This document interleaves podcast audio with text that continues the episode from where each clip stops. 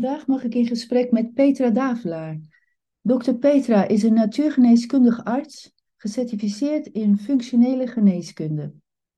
Ze beoefent deutonomische geneeskunde op basis van de wetenschap van waterbeweging in een lichaam.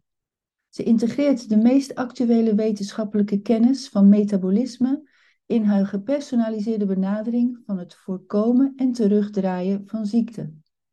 Ze is geboren en getogen in Nederland en verhuisde als twintiger naar de Verenigde Staten, waar ze in 2016 afstudeerde aan de Bastyr University. Ze staat bekend om haar passie voor het zoeken naar waarheid en haar wil om de gezondheid van patiënten te helpen herstellen, door de werkelijke oorzaken te begrijpen. Ze is internationaal bekend als deskundig onderzoeker van deuterium en thuis in de wetenschap van deuteronomie, beter bekend als deuteronomics. Want in Nederland wordt nog maar sinds kort aandacht besteed aan dit interdisciplinaire vakgebied. Petra wint er geen doekjes om, lees ik in haar baanbrekende publicaties. Haar stelling, en dat van haar medevakgenoten, is dat de aanwezigheid van deuterium in onze basisvoeding en daarmee in ons lichaamswater het verschil maakt voor vitale gezondheid en zelfs in de ontwikkeling van kanker. Dit is een belangrijk en complex onderwerp en daarom gaan we ons best doen om de impact van deuterium in biologische organismen zoals cellen, planten, dieren en mensen duidelijk te maken en de belangrijkste inzichten voor jou samen te vatten. Hallo Petra, van harte welkom. Dank je. Ehm, ik ben heel blij dat jij de moeite en de tijd neemt uh, om uh, deuteriumleken zoals ik uh, bij te scholen over water in ons lichaam en over wat wij kunnen doen om onze cellen ook blij te houden in, in, ehm, in, ons, in ons lijf. En ik heb jou alleen nog maar Sumir geïntroduceerd als een professioneel natuurgeneeskundige en expert op het gebied van deutonomie.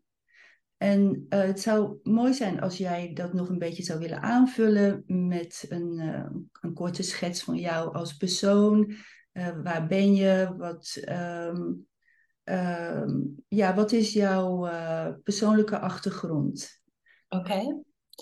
Ik ben een Nederlandse geboren uh, vrouw die al 37 jaar in het buitenland heeft gewoond en uh, het grootste gedeelte daarvan in Amerika. Um, de laatste drie jaar weer in Europa, um, voornamelijk in Hongarije, maar ook in, in Italië en in Holland, Nederland.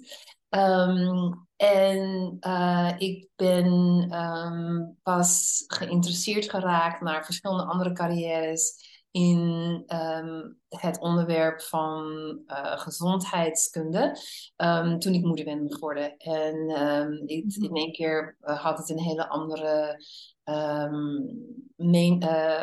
uh, het was van groot belang dat ik zo goed mogelijk mijn dochter uh, wilde opvoeden en zo gezond mogelijke um, lifestyle uh, dingen te, voor te beelden aan haar. En zodat uh, ik daar echt heel uh, gericht mee bezig was. En, um... mag ik even vragen? Ja, het al tijdens je zwangerschap of uh, na de geboorte? Na de geboorte, mm -hmm. ja. ja.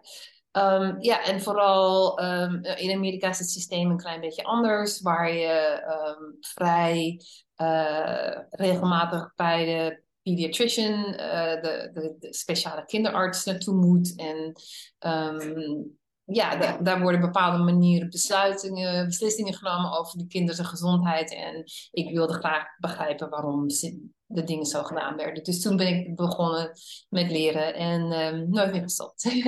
en ja, dat is gewoon een hele bijzondere weg geweest. Ik, um, toen ze wat ouder werd, werd ik zeer geïnteresseerd in nutritie op school en hoe daar um, uh, wordt over gedacht en, en hoe ze omgaan met de hele gigantische cupcakes die altijd maar worden uitgedeeld drie keer per week en dat soort zaken allemaal. Dus um, uh, ik werkte uh, voor het kort voor een organisatie dat heet Better School Food en we probeerden daar verandering in aan te brengen en ook de kwaliteit van het eten in de kantine verbeteren, wat heel moeilijk is. Oh ja, leuk. Ik heb me daar ook een tijd in verdiept. Ja, uit uh, Stichting Keten. Dat ging ook over het veranderen van de voedselcultuur op scholen ja, en voedseleducatie eh, daarbij. En Ja. heb ik inderdaad ook internationaal georiënteerd. En eh, dus ik ken een aantal projecten in de Verenigde Staten die daar ook mee bezig waren. ja. Eh, maar dat is alweer een tijdje geleden. Voor mij ook. Ja. Ja. Ehm, en, en zo rond, op die manier kwam ik dus eh, in aanraking met, weet je, ik wil dit professioneel gaan doen. En ehm, ik was nooit naar, eh, na de high school, ben ik nooit naar de HAVO, eh, nooit naar een ehm, vervolgopleiding geweest. Dus ik moest echt van het begin af beginnen. Dus ik ben op 44-jarige leeftijd begonnen aan een acht jaar achter elkaar hogere opleiding. Eerst college en toen de naturopathic um, de natuurgeneeskundige dokter uh, degree in Amerika, die veel meer um, lijkt op een gewone dokter in Amerika dan in, in Europa. Het is Mhm. een, een degree waar je ook mee, uh, ik mag testen bestellen, imaging, bloedtesten, um, alles. En het is een, het is een meer uitgebreide uh, scope van zorg die je kunt geven. Dus ja, dat heb ik gedaan. En ik ben nu al meer dan zeven jaar um, in praktijk. Um, een tijd in een kantoor in Santa Monica dat gedaan. Um, een paar jaar. En de laatste drie jaar echt volledig helemaal virtual. Dus alleen maar telemedicine. Ja, medicine. Ja. En als natuurgeneeskundig arts krijg je waarschijnlijk wel scholing in voeding. Hè? Dus Ja, veel meer dan ja. de medisch geschoolde artsen. Ja, dat klopt. Ja. Puur medisch. Ja. Ja. En eh, ja, we gaan natuurlijk zo meteen inzoomen op waterkwaliteit. Ja. Ehm, en ik vraag me af, hoe is water bij jou echt eh, tot leven gekomen? Eh, en ehm, was, was dat door deuterium of was er eerst het Ja. water en toen eh, daarna deuterium? Nee, het was deuterium. In, in, voor het eerst dat ik ervan hoorde, was ik nog op school, 2014. En um, vond ik het ontzettend interessant en ik wilde er heel graag meer over leren. Maar omdat je dan in het midden van een hogere opleiding zit, is er gewoon eigenlijk erg weinig tijd om andere um, uh, directies op te gaan en daar je helemaal in te verdiepen. Ook al deed ik dat wel met een hele hoop dingen, maar op dat moment niet met deuterium. En dat heb ik pas in 2018 gedaan. Toen mijn moeder een vorm van kanker kreeg. En uh, ik wilde haar ondersteunen op een manier. En uh, op allerlei therapieën bekeken. En toen uh, herinnerde ik me van deuterium. En ik ben daar meteen helemaal drie maanden volledig ingetoken. En eigenlijk gewoon nooit meer opgehouden. En het is echt um, dat mijn specialiteit vanaf dat moment gemaakt. En... Dus dat vind ik wel bijzonder. Dus werkelijk direct deuterium en direct ook gerelateerd aan een chronische aandoening als kanker. Dus niet via waterstof in het algemeen, niet via water in het algemeen, maar Nee. ja, oké. Nee, nee en- maar ja, dat is natuurlijk een gigantisch ehm, nieuw gedeelte van science. Ja. Ehm, Ja, en, dus inderdaad, het zou mooi zijn, of belangrijk denk ik, dat we nog even scherp stellen op wat is deuterium eh, en het vakgebied eh, deuteronomics, eh, Ja. wat helemaal over deuterium gaat. ja? Ja. En eh, op een gegeven moment komen we dan vanzelf wel op DDW of deuterium depleted water, ja? maar in eerste instantie deuterium en deuteronomics. In Nederland zeggen we deuteronomie, hè? of deuteronomie. Oké. Eh, maar ja, ik geloof dat niemand het hier heeft over deuteronomie. ik denk het ook We gaan het ook nog wel even hebben over het feit dat het nu wel geïntroduceerd wordt via de Vrije Universiteit in Amsterdam. Ja. Dat komt eh, sinds dit jaar pas, hè? Nee, het is eh, sinds 22. Dat is het tweede, dit is het tweede jaar dat de cursus gedaan is. Dat de, de course is geofferd in Ja. de Vrije Oké. Universiteit. Ja. Dus daar komen we nog wel even op terug. Ja? Ehm, dus ja, ik verwarste, ik, ik probeer dus deuteronomie te zeggen, maar waarschijnlijk gaan we het ook deuteronomics noemen. Ja, ik- het is moeilijk voor mij omdat eh, waarschijnlijk... Ja, dat lijkt me Ja. wel.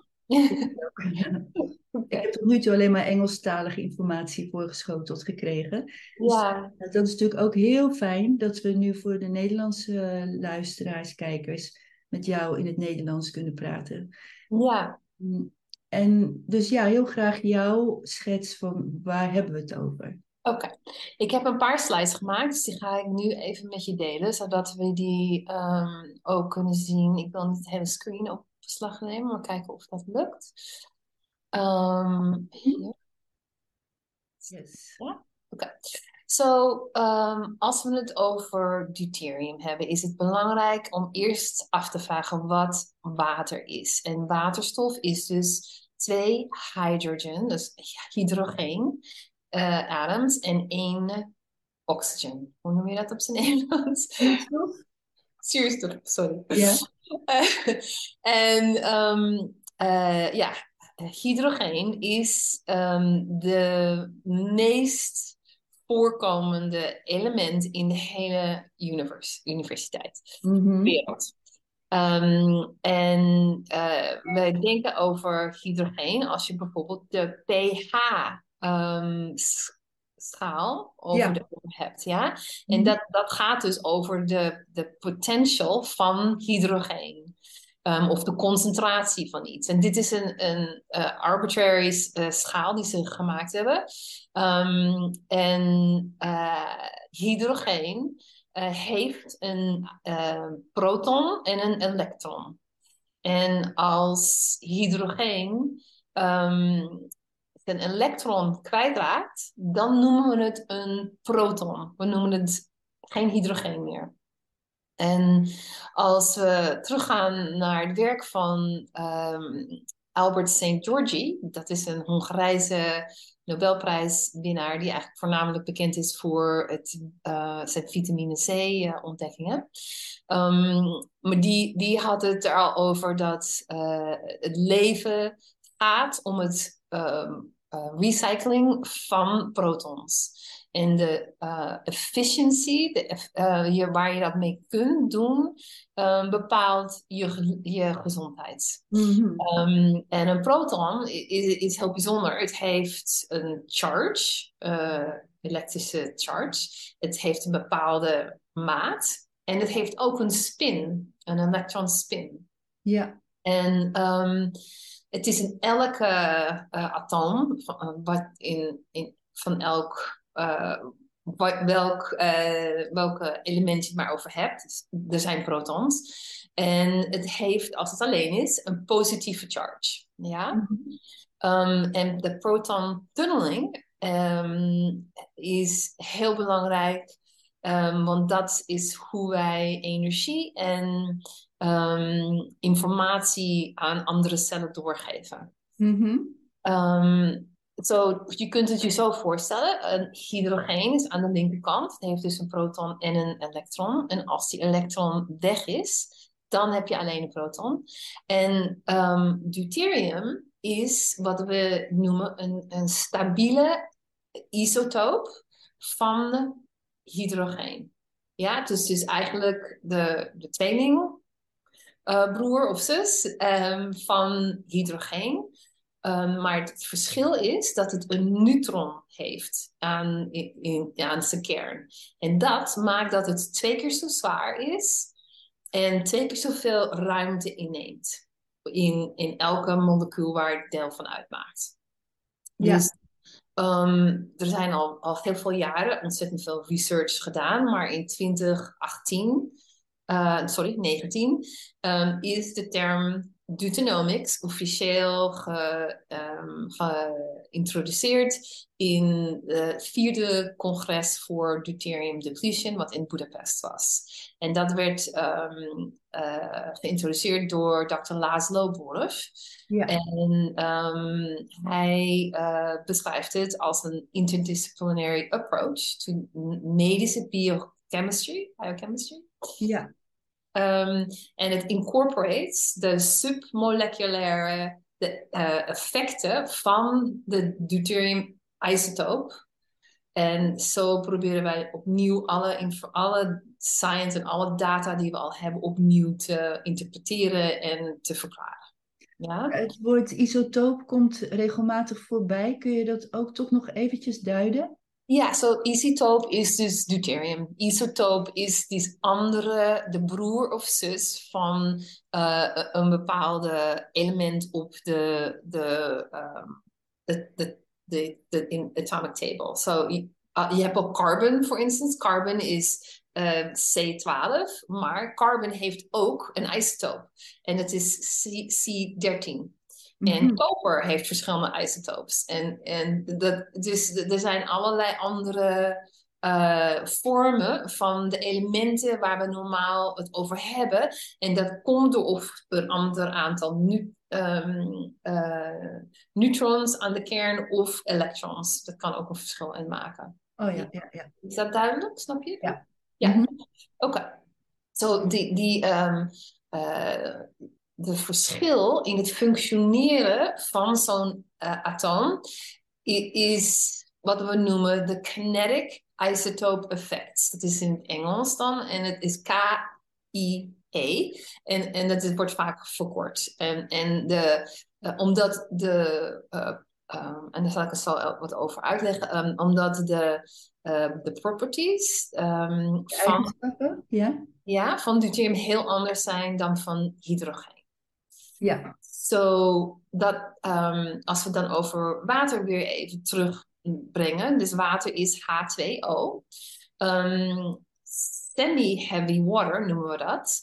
Is HDO. En één hydrogeen, één deuterium en één zuurstof. Ja. Um, en dat ken je misschien van als je het over kerncentrales hebt. Ja. Daar moest, werd uh, heavy water, uh, zwaar water gebruikt om de reactie te ver, uh, verlagen, te vertragen. Ja. Ja, dus dat, dat, daar kan je van deuterium al, al, al weten van oké, okay, alles waar deuterium in zit, gaat langzamer. Ja. Ja. En misschien En dan- even een vraagje. Ik weet niet of je daar straks nog eh, naartoe wilde, maar is deuterium, want we gaan het natuurlijk hebben over eh, de nadelen van deuterium voor cellen of mitochondriën, eh, het verwijderen van deuterium, maar is deuterium ook nog ergens goed voor? Ja, absoluut. Absoluut. Of ja. ga je het daar straks nog over hebben? Ja, daar gaan we het ook over hebben. Ja, ja. Ehm, en dan het lichtwater. ehm, dat heeft een lager gehalte, concentratie van deuterium, wat het meeste water heeft. Ja. Ehm, en wat we dan ook metabolic, metabolic water noemen, of metabolisch water, is het water wat wij zelf Ja. produceren in onze mitochondria, mitochondria. Ja. Um, en dat is een heel bijzonder water. En daar gaan we het nog meer over hebben. ja, heel graag. Ja, maar, maar dat water is dus um, uh, lager in deuterium. En Ja. Het is uh, het metabolisch water wat ook wel interfacial of structured water wordt genoemd. Ja, maar wij produceren dat zelf dus. Maar interfacial is dan niet extracellulair, toch? Ja, Wel, extracellulair. ja, ja. Ehm, ehm, want me, ehm, metabolisch water zit niet in de cellen. Het wordt geproduceerd in de mitochondria. Ja, en dat wordt dan... En in de cellen en buiten de cellen. Ja, daar wordt het ook aangebracht. Ja. Ja. Ja. En dat heeft natuurlijk een bepaalde structuur nodig. ja, En dat metabolisch water dat bevat wel eh, minder dan de helft zelfs aan deuterium van eh, als je het vergelijkt met bulkwater, of niet? het ligt heel erg aan wat voor voedsel je um, uh, eet. Oh ja, ja. Ja Dus. Het verschilt heel erg. En het, verschilt, het ligt ook erg aan jouw um, uh, ability, jouw, uh, je lichaams uh, manier van efficiënt um, deuterium eruit te halen op de juiste reacties. Ja. Dus daar, zullen we het ook even over hebben. heb- ik dacht eh, 40 tot 60 ppm, maar is dat dan idealiter? Of is dat dan een hele gezonde cel? Of zit ik ernaast? Het is een hele gezonde cel. En je, niet alleen de cel is gezond, maar je, het eten wat je hebt ge- toegenomen is ook laag in deuterium Ja. En het extracellulaire water ook. Ja, Ja, ja. ja. Ehm, Oké, dus ik wil je een beetje een idee geven van wat, wat, waar we het dan over hebben. Dus als we het over concentratie eh, bes- praten van deuterium, ehm, be- hebben we het over ppm. Dat is parts per million. Mhm. Dus uit een, ehm, als we dus laten we uh, water nemen wat zeewater is, oceaanwater, dat is gemeten op 155,76 ppm. Um, en dat houdt dus in dat uit elke miljoen uh, hydrogeen uh, 155 give or take um, uh, zijn. En het meeste water in Europa is ongeveer tussen de 145 en 150. In Amerika tussen 148 en 152. Hmm. Uh, maar uh, waters die van um, uh, speciale springwaters komen, die zijn vaak lager. Um, en wat wij, als wij het dan over wellnesswater hebben, dan, dan uh, is de concentratie zo rond de 125 ppm. En een therapeutische level uh, uh, gehalte begint voor ons op 105. Mm um, het, we denken dat toen de mensen um, zich ontwikkelden, vele, vele jaren geleden, dat uh, in de um, environment het water ongeveer rond de 130 ppm was. En dat, zo, zo functioneren onze lichamen ook het best. ja, ik denk. Ja, en ik, uh, gaan we straks nog uh, verder kijken ook naar dat therapeutische water? Of ja. zou het nu al... Ja, absoluut. Oh wel. We kunnen het overal over hebben. ja, nee, ik vroeg me even af, waarom, uh, of is dat omdat bij 105 uh, het lichaam geholpen wordt om uh, overtollig deuterium te gaan uh, afvoeren? want waarom, wat is het verschil zeg maar tussen 125 en, en 105? Ja, dus de, het water van 105 is lager in deuterium. Um, Als je je normale water drinkt, is het rond de 150, zullen we maar zeggen. Dus uh, om dat al 25 ppm lager te hebben, is al een heel groot verschil. Ja. Mhm. Maar als je echt een therapeutisch effect wil hebben, en dat houdt in um, je uh, um, de ratio van deuterium en hydrogen in het de cytoplasma, dat, het celwater, te verlagen. Um, op een manier die um, vlug uh, um, bijdraagt aan de verandering in je lichaam, dan weten we dat dat echt uh, zo rond de 105 moet zijn.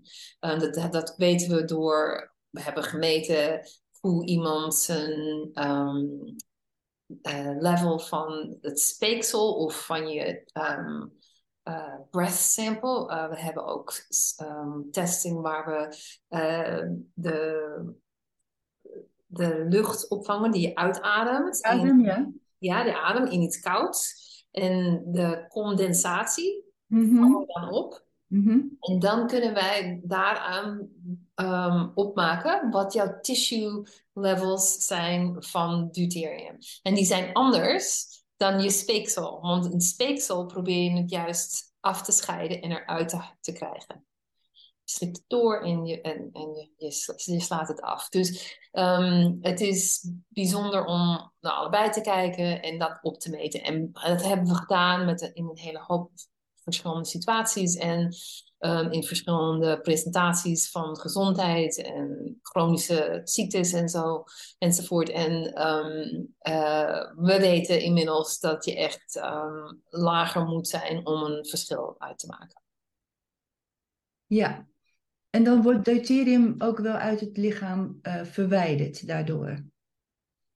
Of niet? Je verlaagt het wat in de cells zit, in het cytoplasm. Ja, en dat is heel belangrijk. Ik zal even verder um, uh, gaan, want, want, het is heel belangrijk, want er zijn bepaalde biochemische reacties die plaatsvinden in je lichaam. En die zijn er allemaal uh, speciaal voor om maar te zorgen dat jouw mitochondria geen deuterium krijgen. Ja. Maar die enzymes moeten allemaal wel heel efficiënt werken. En die werken door om een speciale plek, en, laten we zeggen, je hebt net iets, uh, een, een, een, broodje kaas gegeten van, met de lunch. En nu ben je dan aan het afbreken. En het brood zit natuurlijk, dat zijn koolhydraten. En koolhydraten bevatten uh, een redelijk uh, hoog percentage van deuterium. Dat deuterium wordt nu af, komt jouw lichaam binnen. En nou gaan al die verschillende biologische biochemistry um, pathways proberen van die deuterium af te komen.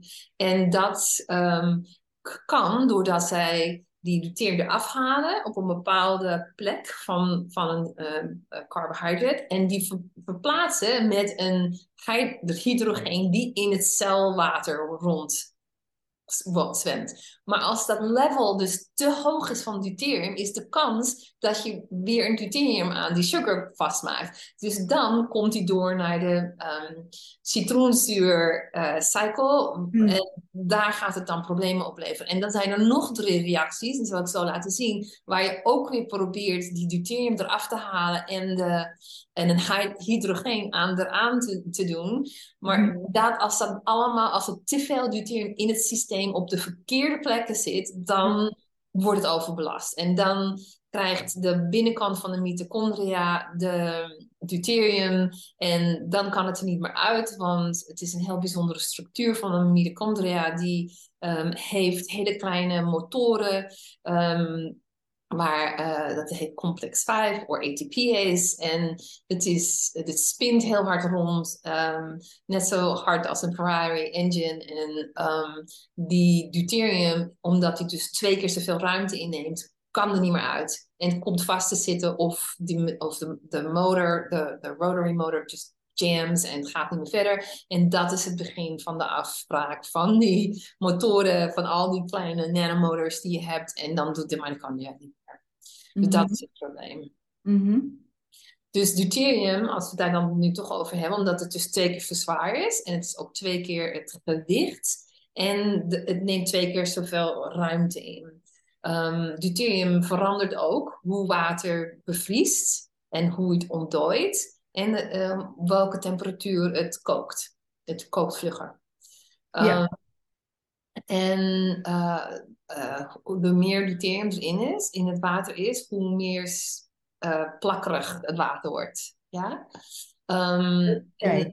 deuterium is ook een groeifactor voor bacteriën, voor yeast. Gist. Gist, ja.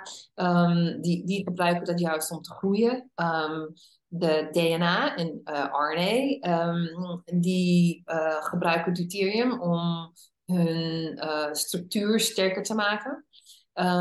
En we noemen deuterium, is een onco-isotoop, omdat als er te veel deuterium op DNA-strand zit, dan verandert dat de maat en ook hoe het, hoe het expressed. Dus je hoeft helemaal geen genetische afwijkingen, variaties te hebben. Alleen op te veel deuterium kan zorgen dat je DNA niet um, goed wordt gekopieerd. Um, maar uh, als je dus echt te veel DNA in de cel hebt, dat, dat, dan wordt het te groot. En ja, dan weten we, dan, gaat, dan moet die cel um, in tweeën breken, dividen. En, en dat is dus wat het proces van kanker is.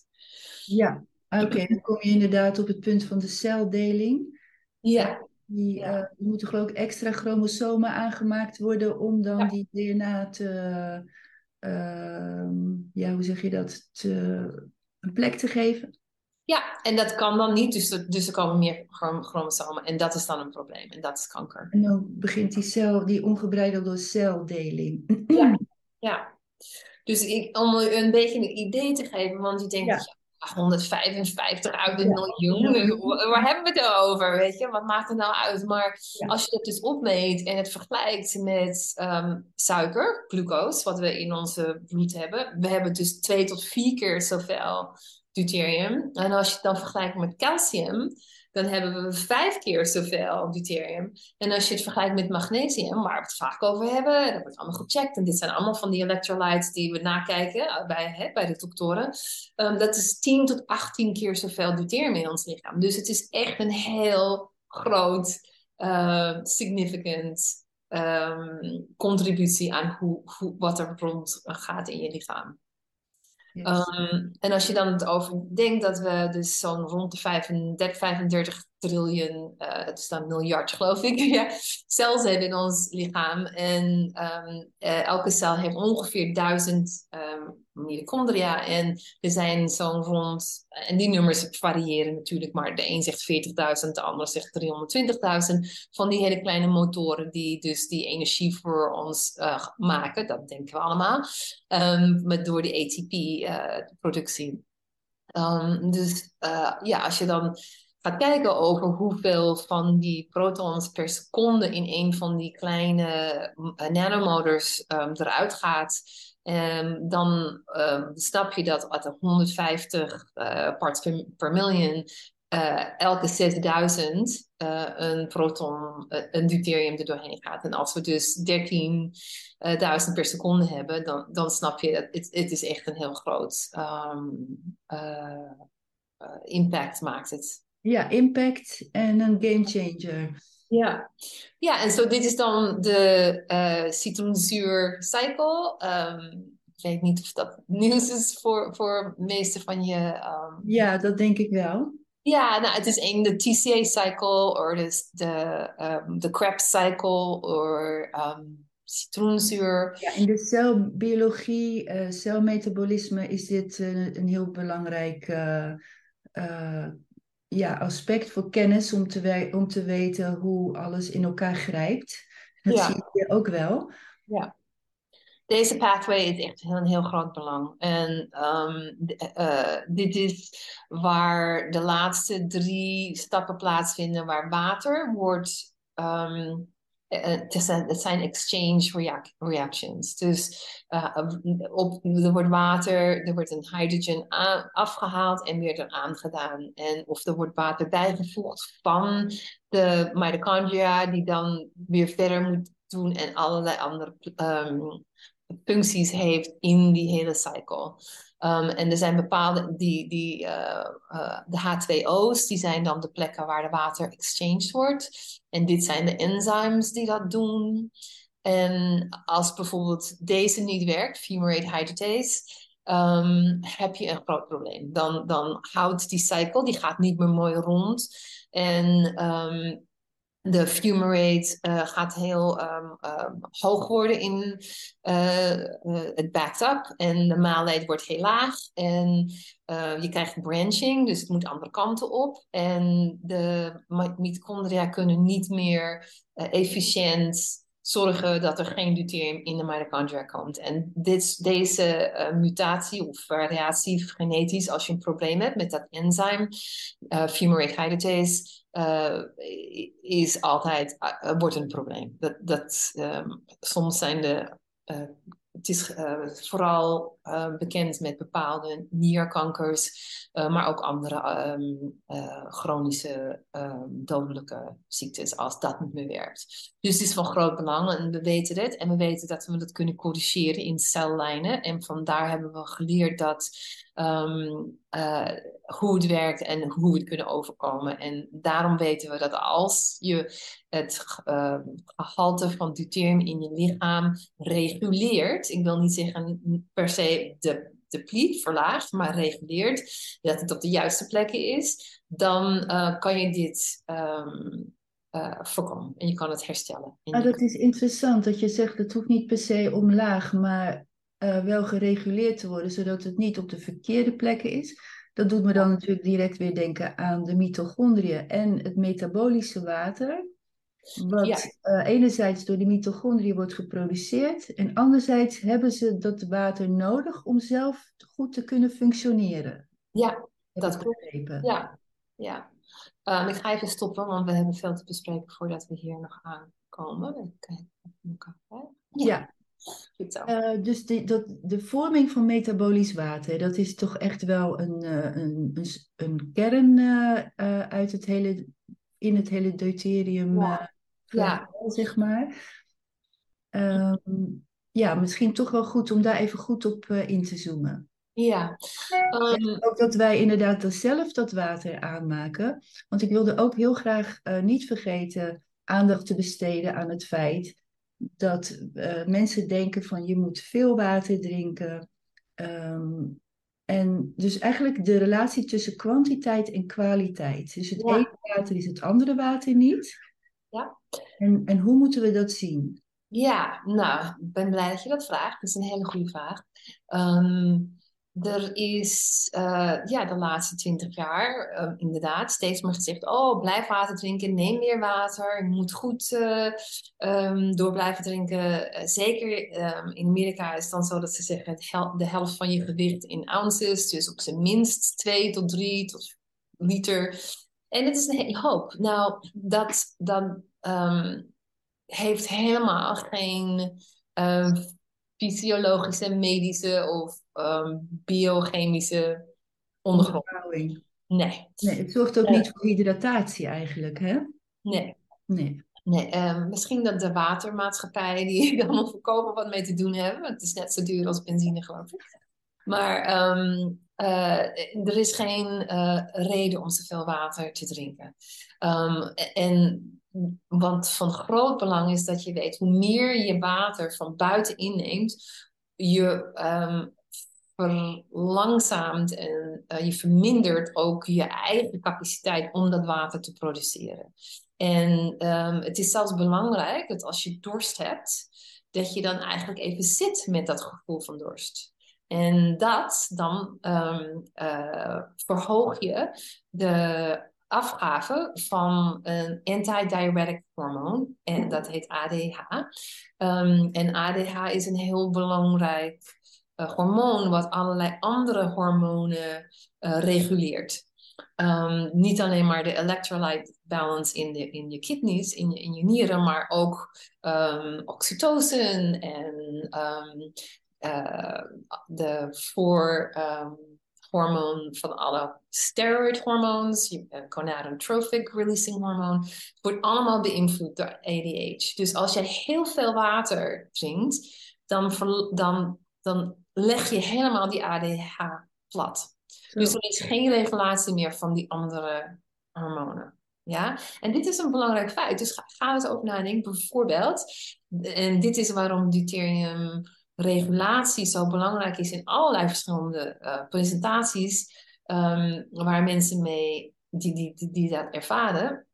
Um, ik had bijvoorbeeld een 18-jarig uh, uh, meisje um, die al, nee, ze was 20 en ze was al 18 maanden geen ongesteld geworden, niet meer. En er was geen goede reden voor. Alles, alle normale redenen die jij in de medische school leert, um, die eventueel de oorzaak daarvan kunnen zijn, gingen allemaal niet op. Um, maar ze had nog steeds minder estrogeen dan een um, vrouw in, uh, al jaren in menopauze. Echt heel weinig. Dus er was iets mis. En um, uh, ze dronk zo'n 4, 5 liter water per dag. Zo. Ja, en dus dat aangepast. En haar ook uh, op deuterium uh, verlaagd water um, uh, laten drinken voor een paar maanden. En haar eten verandert. veel minder koolhydraten en echt goed, zorgen goede vetten en goede um, uh, proteïne. En um, ja, binnen een maand had ze haar eerste menstruatie. En um, haar uh, estrogeen was 40. En op twee maanden punt was het 120. En ja, dat is eigenlijk nooit meer opgehouden. En nu mhm. weet ze steeds dat als er iets is, dan, dan gewoon eventjes weer terug, terug naar af en herstellen. En, die, en op, op goede uh, levensstijlveranderingen meer um, je lichaam kunnen te reguleren. Ja. het is, ja, ik vind dat heel frappant dat dat dus mogelijk is. Je kunt echt het uh, herstellen van organen, systemen teweeg brengen als je dit doet. Ja. Uh, maar ik wil ook duidelijk op zijn, uh, deuterium is ook heel belangrijk voor de sterkte van je uh, connective tissue, je huid, je botten.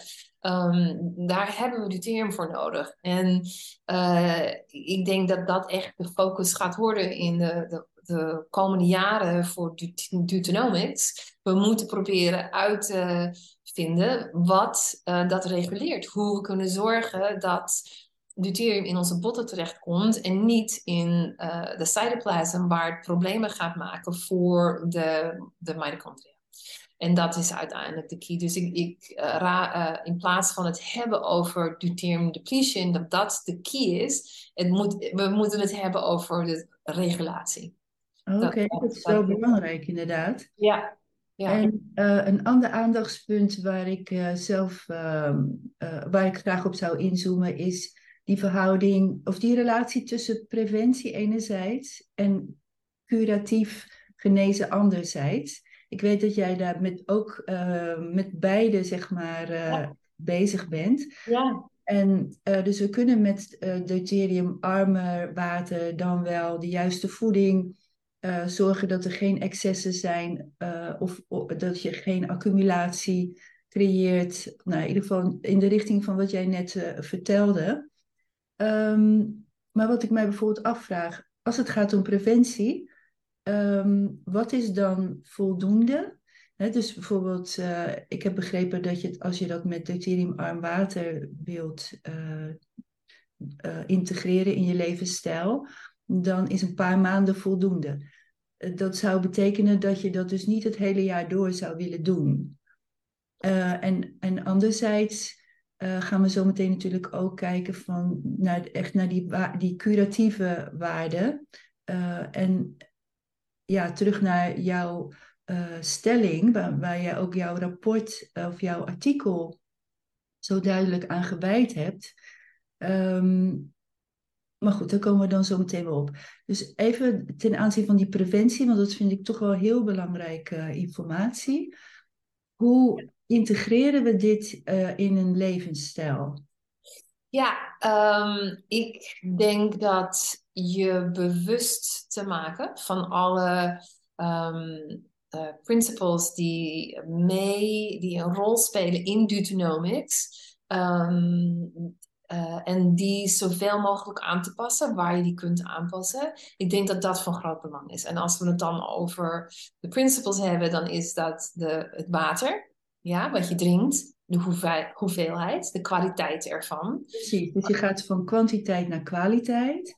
Ja, um, en de kwaliteit, uh, ik, ik, denk voor preventieve um, uh, protocols of plannen. Ik zou, voor iedereen is het gunstig als je uh, ja, boven de 20 bent om misschien een maand of twee per jaar.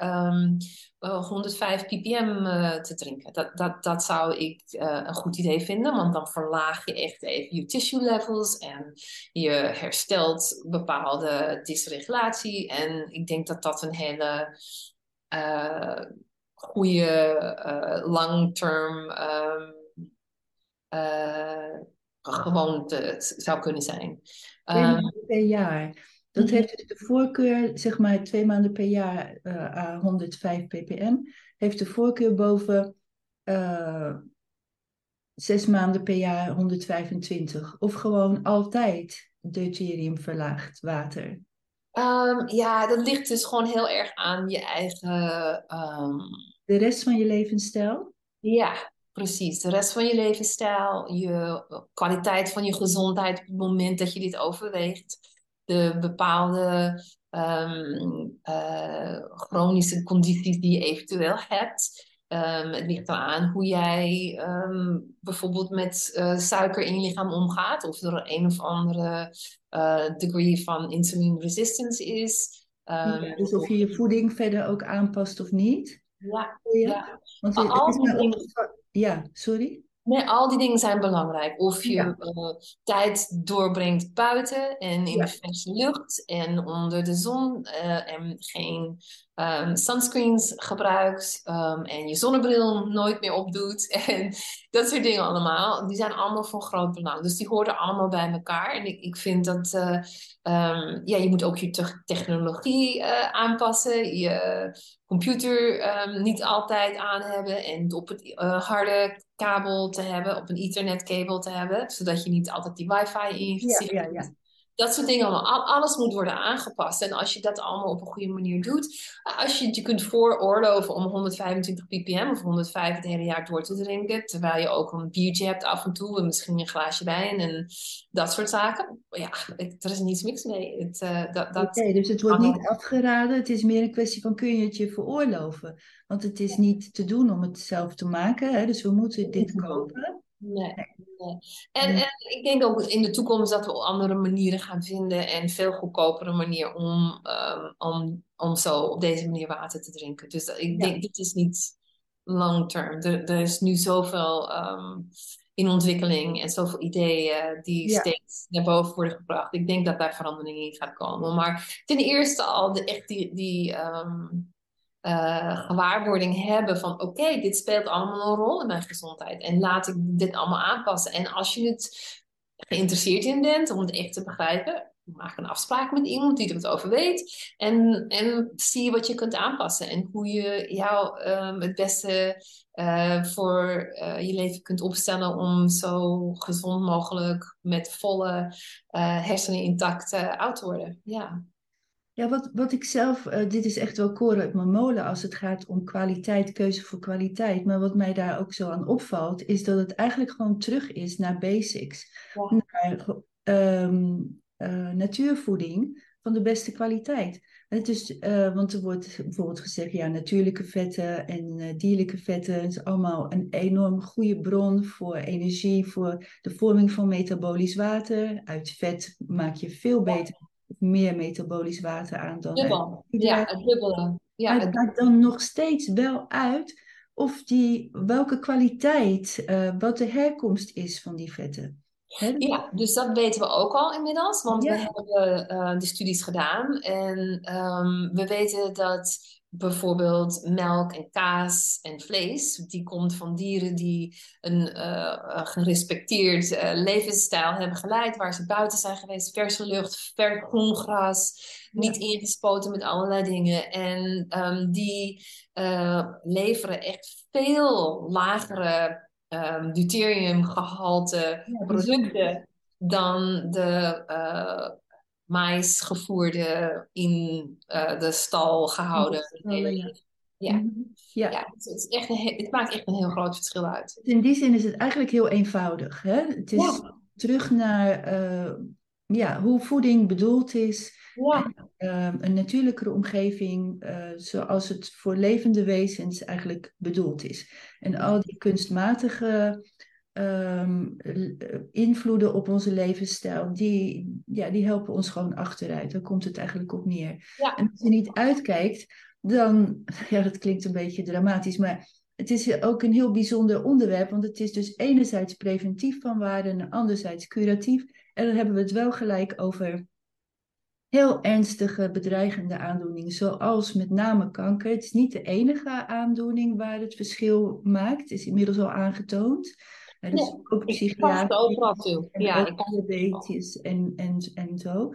Ja. Um, maar ja, ik wil zeker niet voorbij gaan aan het feit dat jij en jouw vakgenoten heel duidelijk stelling nemen tegenover de oncologie, de, de, de standaard medische benadering van uh, kanker.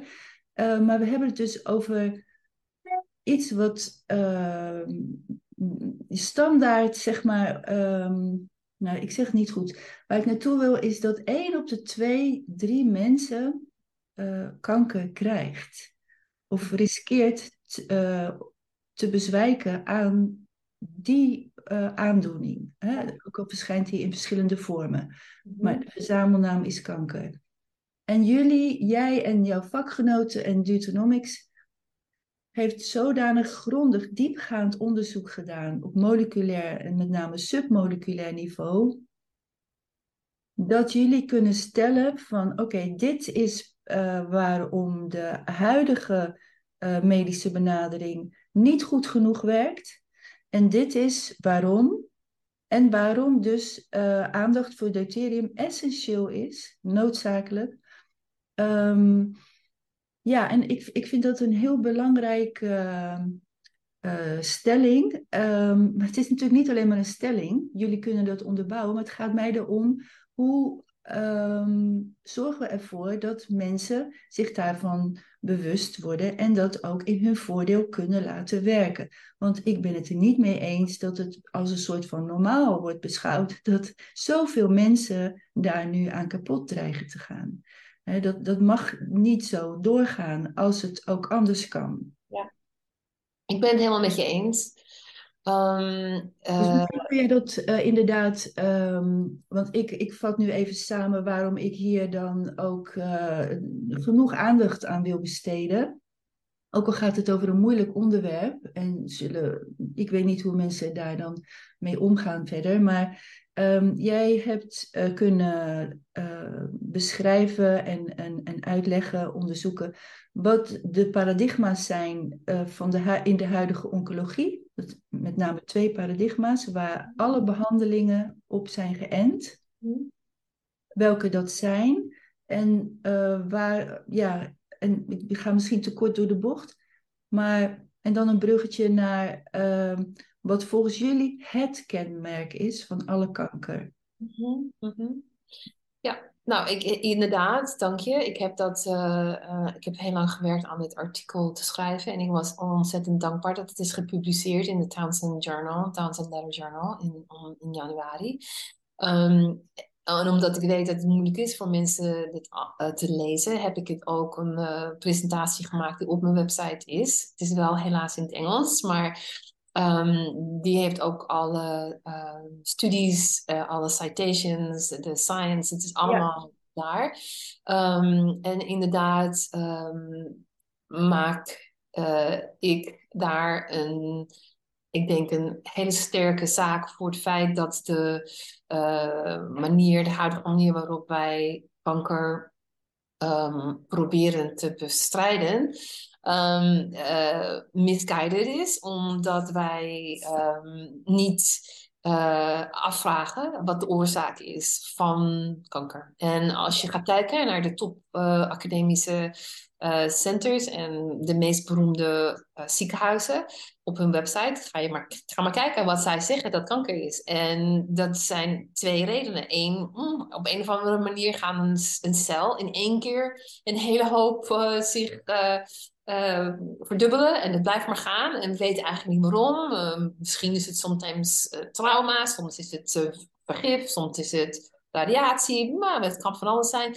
Um, maar ehm, de, de grootste reden waar de laatste 50 jaar alle research dollars zijn aan uitgegeven, is natuurlijk de, wat ze noemen de somatische mutation theory de somatic theory of cancer. Um, de, de reden dat we kanker hebben is onze genetische uh, variatie of mutations die we in onze cellen hebben. We zijn ermee geboren of in één keer gaan ze muteren en dan hebben we dat probleem. En geen van de twee zijn goede uitleg of goede redenen waarom dat je kanker krijgt. En als we dan gaan kijken naar welke genen dat eventueel dan doen. En als je naar die banken gaat kijken, dan hebben we het over 48 miljoen verschillende variaties. Nou, het is niet mogelijk dat 48 miljoen, 84, sorry, ik draai het het is 84. Um, dat er zoveel uh, verschillende mutaties zijn. En uiteindelijk blijkt ook als je naar één persoon kijkt en, en, en gaat naar de eerste, de primary tumor kijken. En um, dan kijk je ook naar de andere tumors die ze eventueel later krijgen. Die zijn volledig anders in genetische samenstelling. Echt volledig anders. En in één tumor, als je op die verschillende plekjes kijkt, krijg je volledig andere genetische informatie terug. Dus hoe maak je daar dan ooit sens uit? Het, het, is helemaal niet mogelijk. En dus, vandaar ook dat ze met grof geschut uh, waarschijnlijk te werk moeten gaan. Uh... Uh, geen van hun grof geschud werkt echt. Het is niet echt de oplossing, want je, want je bent niet de probleem aan het uh, uh, adresseren. Je, je, hebt daar helemaal niet naar gekeken zelfs. Dus... In principe is dat het kenmerk van onze medische wereld. Het bestrijden van symptomen zonder die oorzaak inderdaad. Ik ben zo blij met mensen zoals jij ehm, die eh, ja, gewoon op zoek gaan naar de root cause van de dingen. Dat is de enige manier, ehm, ja, je zou kunnen zeggen, om uh, preventieve kennis op te duiken, maar ehm, ja, om, om dit, uh, dit hele scenario voor te zijn. Ja. Um, het is heel belangrijk en we weten van alle uh, case histories, van al, alle personen die dit hebben aangepast, die hebben hun um, ziekteproces volledig kunnen um, stopzetten. Het is verdwenen. Oh, we weten niet waarom. Ja, het is, het, is allemaal mogelijk om, het, om, het om je aan te passen. Als je begrijpt wat er aan de hand is, dat veranderen, die aanpassingen maken. En het beste ervan hopen. Om, die, uh, om de, de manieren waarop ze het normaal gesproken doen. Um, surgery, radiatie, chemische therapieën. Dat is, dat is het enige eigenlijk wat ze aanbieden. Nu heb je dan alle immunotherapies die miljoenen kosten. En die ook niet uh, erg uh, bepaald werken. Misschien twee tot vier maanden, 2,4 maanden meer dat je kan leven. Maar um, dat is het enige verschil wat ze kunnen geven aan je. Um, nou ja, wij weten met deuterium depletion van al het werk van uh, Gabor Chomyaye, die dat uh, heeft gepubliceerd, dat je echt uh, de levens, overlevingskansen vier tot vijf maal kunt verlengen. Dus nu hebben we het over 11,2 tot, tot 15,4 jaar. Is echt een gigantisch verschil. En dat kunnen um, die andere manieren van kankerbestrijding absoluut niet aan, aankomen. Dus we weten, we weten hoe het wel moet. Maar er is ontzettend veel um, uh, financiële uh, uh, aspecten in de andere ja, model. Dat is, dat is duidelijk hè, wat hier leidend is. En kun je nog even dat, of even, kun je dat specifieke kenmerk van kanker, zoals jullie dat benoemen, nog benoemen en uitleggen? Ja, um, als het, het is metabolisch. Uh, het is een probleem van metabolisme. Het is een probleem van de deuterium dat, dat zich hoe noem je dat in het Nederlands? Ja, of ophoopt. Ja, verhoogt in, in mitochondria en dat veroorzaakt dysfunctie van de mitochondria. En 80, 85 tot 95 procent van alle ziektes zijn chronisch, chronische ziektes waar we het over hebben. En dat houdt ook kanker in, maar ook uh, Alzheimer's of dementie of diabetes of cardiovascular. Dus allemaal, alles is allemaal um, uh, in de kern, de, um, de oorzaak is de, de mitochondria die niet meer werken. En dus, dus, dat, uh, het, het, omdat als je te veel deuterium hebt, die um, citroenzuurcycle waar we het over laten zien, die werkt gewoon niet meer. En dan krijg je een backup van het systeem. Alles gaat achteruit. Je krijgt, wat ik al zei, verhogingen van bepaalde enzymes. Dat, dat noemen we dan metabolic crowding.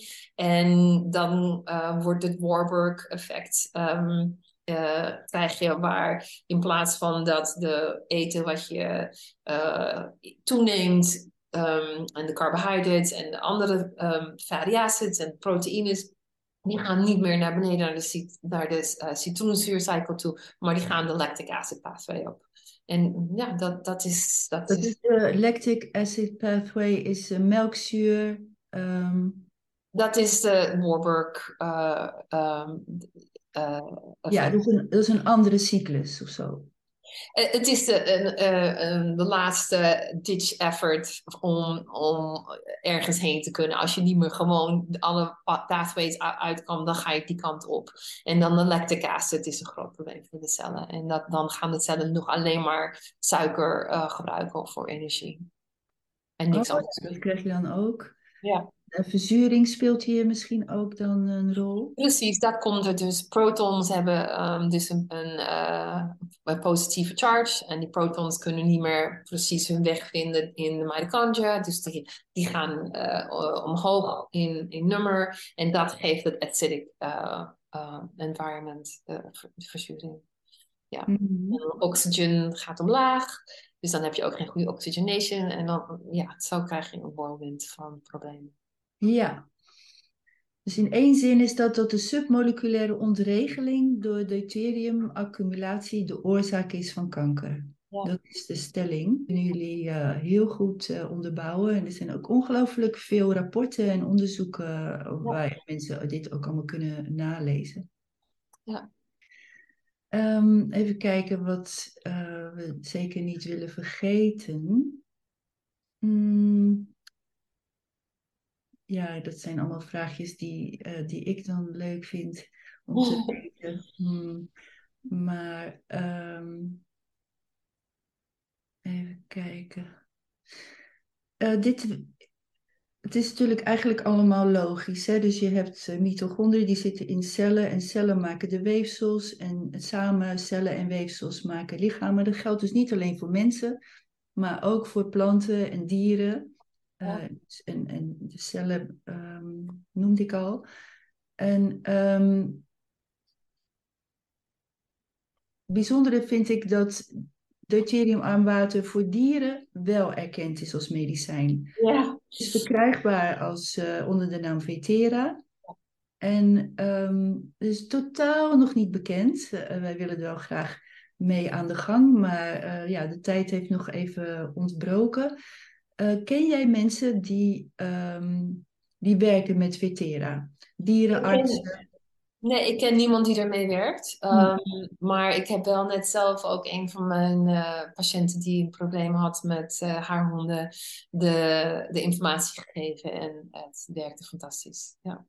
Oké, want verder ook in Hongarije, je kent niet case studies, uh, mensen die. Want het is al meer dan twintig jaar op de markt. Oh ja, nee, er zijn er een hele hoop geweest. En ik weet ook dat er in Texas een, een, een stel uh, echt grote studies zijn uitgevoerd, die echt alleen maar positieve resultaten lieten zien. Het werkt echt heel goed. Ja. En is er een manier om daar aan te komen? Uh, maar goed, dan kan ik jou later misschien nog... Ja, op... ik weet dat Gabor de, uh, een paar studies op zijn website heeft. En hij heeft die natuurlijk, uh, ja. Want um, hij is ook de initiator van de productie van en Vetera. Om ja. dit toegankelijk te maken hè, voor mensen, deze kwaliteit water.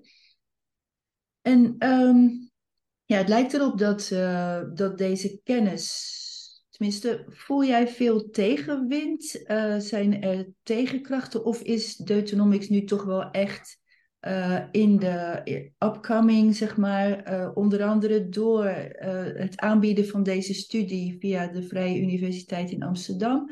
Of is het echt rommelen in de marge omdat het niet wordt toegelaten? Hoe zie je dat? Wat is je toekomstverwachting?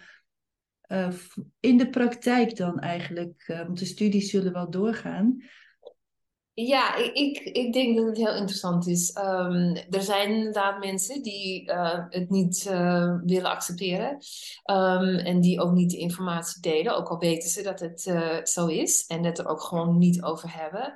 Um, het is nou eenmaal zo dat een hoop researchers, doktoren influencers, whatever you wanna, wat je ze maar wilt noemen, um, hebben uh, allemaal een agenda en een eigen soapbox. En daar staan ze op. En, en weinig mensen zijn bereid om nieuwe uh, concepts te delen en, en het erover te hebben. En dat is uh, best wel heel verbazend, dat ik nou al een paar jaar, afgelopen jaar steeds tegen me tegenaan kom. Maar um, uiteindelijk kun je er niet omheen om deze informatie. Je kunt er niet omheen om de resultaten die we hebben. Je kunt er niet omheen dat dit um, foundational is voor ieder zijn gezondheidsproblemen. En ja, we blijven gewoon doorgaan. Geen, het, is ik word, het, is, het verstoort me verder niet. Ik heb grote plannen. Ik denk dat we.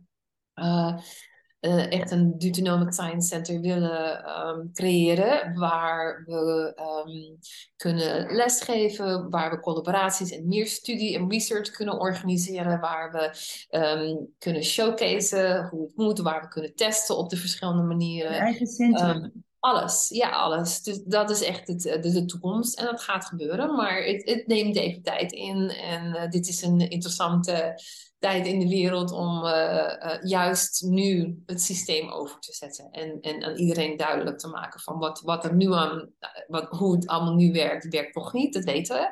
Ja. ga, maar, ga maar eens in het ziekenhuis rondlopen um, en kijken. en spreek maar eens met een dokter of iemand die bij een dokter geweest is. Dan weet je dat je eigenlijk erg weinig antwoorden krijgt en oplossingen voor jouw problemen. De, hè? En, en er, zijn, er zijn antwoorden, maar we, we moeten aanpassen. En wat je al daar straks zei. Ehm, eh, we moeten terug naar, naar af. We moeten terug naar hoe we vroeger leefden. En kijk naar onze grootouders, hoeveel sterker die ook waren. Hè? Alle subsequente generaties worden alleen maar zwakker en meer problemen en meer allergische en meer weet ik het. Wat er is zoveel, um, helaas met onze jeugd, uh, wat er op dit moment mankeert. En we moeten, we moeten um, ophouden met het denken dat er een een korte weg is om een oplossing te vinden. Dat we gewoon maar dat we uh, slimmer zijn dan moeder natuur. Dat wij het beter weten, dat we eromheen kunnen. En dat kunnen we niet.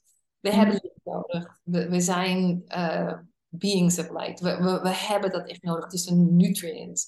En we, we moeten niet binnen zitten met, of zonnebril ophouden en helemaal ons afdekken. Het is volledig verkeerde informatie. En uh, wat het voedsel betreft ook, uh, we moeten terug naar koken. Je maakt echt goede soepjes en, en, en, heerlijke gerechten van scratch. En ja, dat duurt, het neemt tijd in, maar geen probleem. Het is heerlijk, uh, het is een hele goede bezigheid. Precies, het is een rustpunt in de waan van de dag, hè? Ja. Ja, dat, uh, dat herken ik natuurlijk helemaal. Um, wat ik ook mooi vind is dat het een interdisciplinaire uh, gebeuren is. Hè? Dus ook de studie, maar ook dit is alleen maar mogelijk door verschillende kennisgebieden bij elkaar te brengen. Absoluut. Dat is altijd al een ding geweest. Als het om innovatie gaat, dan heb je dat inter, dan komt dat interdisciplinaire komt, uh, komt naar voren. Ja. Misschien wil je nog iets vertellen over die studie uh, in Amsterdam, die sinds vorig jaar dan uh, mogelijk is. Voor wie is dat en door wie wordt dat gegeven? Um, het is een um, uh, course voor een postgraduate course, vier credits geloof ik. Um, en het is georganiseerd door een PhD candidate James Lech. And he is South African, but spent working on his PhD in Amsterdam, and he um, is supervised by Dr. Laszlo Boros and um, one other person whose name I can't remember. Um, and it seeks to teach um, the deuteronomics principles, the submolecular regulation um, de, de submoleculaire regulatie van um, uh, onze systemen, maar ook gebruik het in medicijnen en uh, agricultuur. Ja, want het is ook heel belangrijk voor hoe wij onze um, eten groeien. Um, dat zei ik net inderdaad ook. Het, uh, planten en dieren. En ik vergeet ja. te komen bij de planten. Ja, ja. ja, en dat is inderdaad planten en onze natuurlijke voeding. Dat ligt natuurlijk ook. Uh, ja, absoluut. Zit er allemaal mee, heeft er allemaal mee te maken. En dus het is, dit is, uh, een, ja, het is een beginsfase. Het is een hele interessante course. Um, en uh, het is bedoeld voor iedereen die interesse heeft. Je hoeft geen per se een studie te volgen, maar je kan ook gebruiken de credits voor jouw postgraduate course. Um, wij willen zelf een course cursus maken in Deuteronomics voor practitioners, voor um, doktoren, nutritionists, wie, wie maar meer, wil leren. Een online uh, cursus die um, uh, dit allemaal bespreekt in echt heel groot detail. Um, in alle, alle uh, kennis die we op dit moment hebben opgebouwd. Dus uh, naast de, de, studie ook een digitale. Uh, ja, dat, dat gaan we organiseren van het Economic Science Institute. Ja. Uh, waar we echt deze kennis um, kunnen doorgeven aan, aan, aan ja. de rest van, van de wereld die in het, en zodat ze het kunnen gebruiken. Ik denk dat dat van groot belang is. Het woord moet er gewoon uit. Het kan niet alleen maar bij een paar mensen blijven. Het moet, het moet echt. ja. En wordt het al in de agricultuur ook toegepast? Uh, bepaalde principiële, ja, um, wel. Um, maar daar is ook heel veel ruimte om dat allemaal te, te, op nieuwe manieren te gaan doen natuurlijk. Dat is echt een grote, um, uh, nodigheid voor om, om dit allemaal aan te passen. Ja. ja. Maar daar ben ik zelf niet zo bij betrokken. Ik ben bij de, bij de medische kant uh, betrokken. Ja, bij de meer de patiënten die jou uh, weten te vinden. Want dat centrum, dat is er nog niet. Heb je enig idee waar dat beoogd wordt? Is dat in de Verenigde Staten of in Europa? Um, er zijn, uh, we zijn op het moment aan het adviseren met een kliniek in Hongarije, die dit graag ook wil um, gebruiken voor hun um, uh, aanbiedingen die zij leveren. Oh, maar dat bestaat eigenlijk al. Het, is... het bestaat nog niet. Ze zijn, ze hebben, zijn het gebouw aan het bouwen. Het is oh. bijna klaar. En um, we zijn bezig met hun te adviseren over wat er allemaal um, bij betrokken moet worden. Dus we zullen zien of dat gelukt. Um, maar het zou eventueel in Amerika uh, kunnen zijn. We moeten het even kijken. Er zijn zoveel ideeën. En we moeten kijken waar we de funding het beste kunnen organiseren om dit uh, de realiteit uh, te brengen. Ik uh, pikte trouwens ook op dat, uh, ook, uh, dat, um, dat er ook sprake is van toepassing in diagnostiek. Mm -hmm. ja. Herken je dat? Kun je daar iets over zeggen? Want dat is dus net weer iets anders dan preventie en genezing. Ja. De, deze kennis voor diagnostiek kunt inzetten. Ja, dus um, vooral met um, MRI, uh, het, hoe noem je het op het Nederlands? MRI, ken ja, ik wel. Magnetische resonance uh, imaging, ja.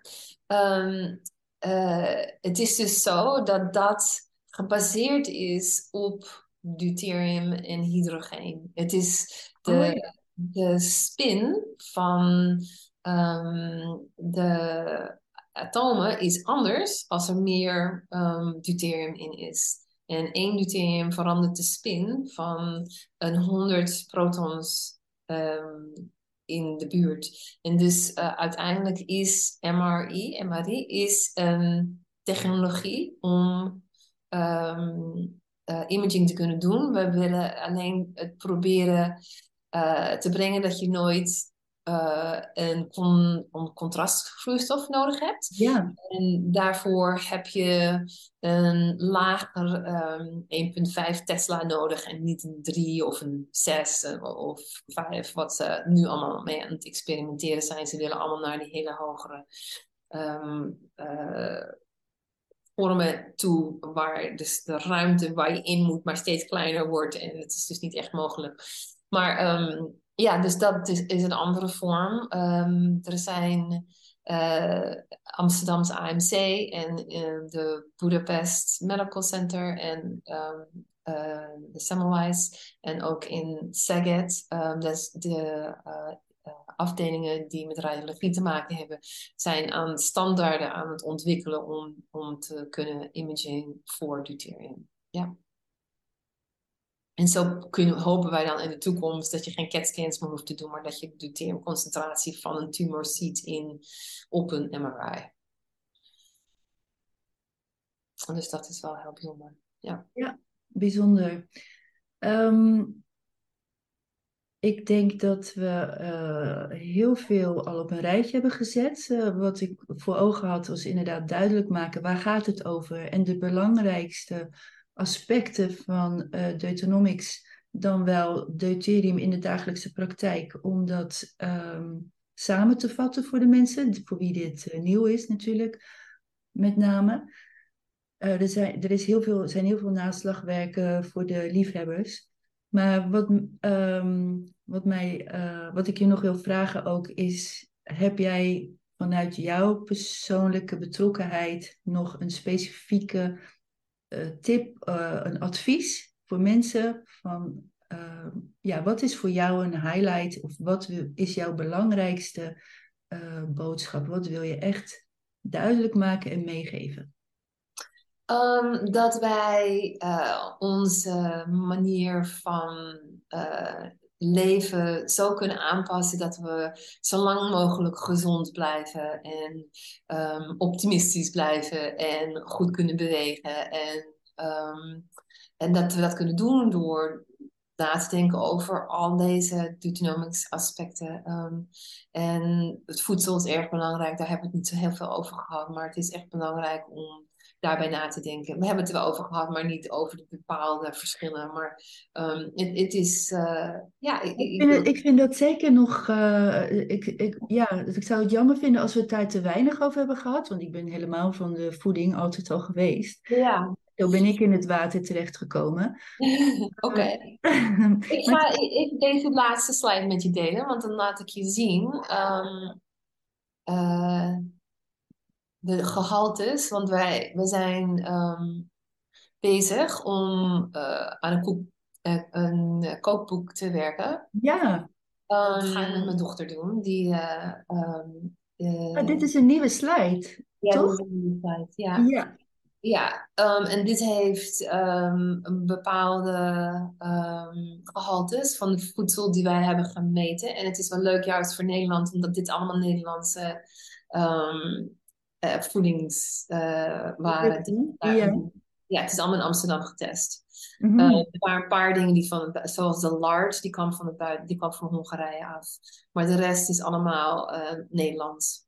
Um, dus die, de, het lamsvlees, wat heel laag is, op 126, dat is van uh, Tessels lam van de, de Noordermarkt in Amsterdam, kwam dat vandaan. Ja, ja, ja. Dus Ja. voor, voor de liefhebber. Ja, dus dat is wel leuk. Maar, um, en je, ik vond het ook belangrijk dat je kunt zien dat het verschil tussen een egg yolk en een egg white, hè, dus de, de echt, het uh, echt uh, eigeel en het eiwit, er zit een groot verschil in. Van En hoe vetter, hoe liever, hè? Ja, precies. Um, en uh, ja, ik vond het ook wel bijzonder dat uh, het slagroom dus laag is op 125. Dat uh, um, parme, Parmezaanse kaas dus ook laag is. We hebben stel Nederlandse kaas ook gedaan. Die zijn allemaal zo rond de 130. Dus dat is ook wel heel fijn. Um, we hadden koffie ge, gemeten. En dat is, dit is ook wel grappig, want um, ik wilde graag weten hoe die Nespresso cups, uh, weet je wel, die, die veel mensen gebruiken, hoe die um, een verschil maken met gewoon goede kwaliteit koffie. Dit was dan een organische van een, een ja, goed merk in, um, in Nederland, uh, van Brazil. En de Nespresso koffie was 170. Oh. Echt gigantisch hoog. Maar dus... dat is ook een tip in de, in de ja, een omgekeerde tip. ja, het, het, is belangrijk dat we gewoon echt een normale koffie maken en gewoon goede kwaliteit gebruiken. Dus ja. Ja, ik ben heel blij met dit soort inzichten, want um, ja, ik ben erg van uh, altijd gesteld geweest op kwaliteit. Ik vind dat je dat kunt zien, ik vind dat je dat kunt proeven, ik vind dat je dat kunt voelen. Ja. En uh, voor mij is daar ook geen enkele twijfel over en dat dat dan ook nog eens wordt bevestigd op deze manier. Ja. Dan ben ik jou extra dankbaar. Um, oh, en, en, wat er hier niet bij staat is ook, we hadden een hele goede kwaliteit boter uh, croissant uh, gekocht in Amsterdam. En die was 135, dus die is ook laag. Dus als je niet af en toe echt een hele goede croissant wil gaan eten. Wat echt Waar heb je die gekocht? Uh, dan moet ik vragen aan mijn dochter, want die weet natuurlijk precies de beste plekken te vinden. En ik kan oh, dat was niet op de Noordermarkt? Niet op de Noordermarkt, nee. Nee. Hoewel de Noordermarkt heeft een, een stand met echt hele goede uh, Italiaanse um, uh, focaccia. Wat Ja. heel hoog is in olijfolie. Ja. Dus ik heb het idee dat die ook heel goed is. En die is Ja, echt... ondanks dat er veel witmeel in zit. Ja, dat maakt Ja. niet uit. Ja. Want dat was dus ook met de croissant het geval. Want Ja, precies. ja. Ja. Maar die is laag. Dus, dus uh, af en toe kan je heel goed wel op dat soort dingen. Nou, ik vind het een mooi smaakvol besluit. Ja. Uh, voordat we eruit worden gegooid, uh, denk ik Ja, dat het idee zo. is als we vrijwillig afronden. goed Want we zo. kunnen, ja, we kunnen natuurlijk uh, vast nog veel meer hierover uh, uitwisselen. Maar um, ik ga dit delen met zoveel mogelijk mensen. En ik ben je werkelijk dankbaar. Super dat je dit uh, hebt willen bespreken met. Uh... Dank je. Dank je voor je geduld met mijn uh, niet zo een beetje geroeste Nederlands, maar. Dankjewel voor een Nederlandstalig interview. ja. En um, ja, we moeten blijven praten. We zullen een opvolging doen, misschien in een jaar of zo, dat alle nieuwe ontwikkelingen die op dat punt aanwezig zijn. Nou, graag. Ik hou me aanbevolen. En wij vanuit Nieuwwater doen ons best om mensen ja, ehm, de weg te wijzen en te helpen om, om dit te kunnen inzetten. Ja, het is echt, het, het werkt voor echt alles. het is echt voor iedereen zijn leven verbeterd te doen om dit, dit, dit soort uh, principelen te, op te volgen. Ja. Dank je. Petra. Tot ziens. Ja, dag. Dag.